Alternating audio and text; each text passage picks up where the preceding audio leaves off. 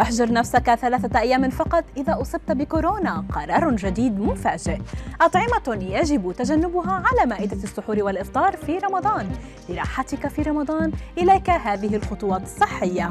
أبرز أخبار ساعة 24 الماضية في دقيقتين على العربية بودكاست أصدرت وزارة التعليم البريطانية قرارا مفاجئا بشأن تقليل المدة اللازمة لحجر مصابي فيروس كورونا من الطلاب. فقد نصحت الوزارة الطلاب الذين ثبتت إصابتهم بالبقاء في المنزل لمدة ثلاثة أيام فقط بدلا من خمسة أيام وسط مخاوف من ضياع الوقت في الفصل الدراسي. في حين نصح البالغون بالعزل لمدة خمسة أيام إذا كانت نتيجة إصابتهم إيجابية بحسب صحيفة تلغراف البريطانية. في رمضان وبعد الصيام هناك بعض الأطعمة التي يجب تجنبها لأن أثرها على صحتنا سيكون سلبيا منها الأطعمة المقلية والدهنية. ومن الأمثلة عليها البطاطا المقلية التي من الممكن أن تزيد من شعورك بالتعب والإرهاق لاحقا لأنها أخذت مكان الأطعمة الصحية في معدتك. الطعام الغني بالملح والمخللات من أشهر الأمثلة على هذا النوع من الطعام. فالملح من شأنه أن يسبب جفاف الجسم ويؤثر على قدرتك في امتصاص السوائل. السكريات أيضا ويقصد هنا ليس الحلويات فقط بل كل الأطعمة الغنية بالسكر.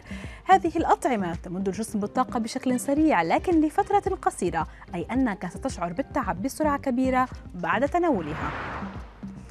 كما يجب التقليل من المشروبات فهي تفقدك السوائل في جسدك ما يسرع من شعورك بالعطش لاحقا وينصح أيضا بالابتعاد عن المشروبات الغازية لأنها تسبب عسرا في الهضم وبالتالي ينصح باستبدالها بكوب من الماء بدرجة حرارة الغرفة.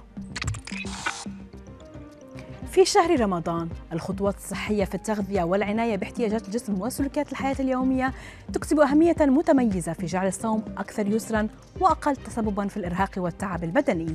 إليكم بعض هذه النصائح لتحقيق تحاشي إنهاك الجسم بشكل قوي وتحاشي التعرض لحرارة أشعة الشمس والأجواء الخارجية الحارة. تخفيف الجوع عبر تناول أطعمة تحفز شعور المعدة بالامتلاء لوقت طويل. هو أحد مفاتيح إطفاء الشعور بالجوع. حفظ سوائل الجسم حيث يسهم عدم التعرض غير الضروري لأشعة الشمس والأجواء الحارة في تقليل كمية الماء التي يفقدها الجسم. تعويض السوائل في الليل فالبدء في تزويد الجسم بالسوائل مباشرة بعد غروب الشمس يعمل بشكل سريع على إعادة التوازن في درجة تروية الجسم.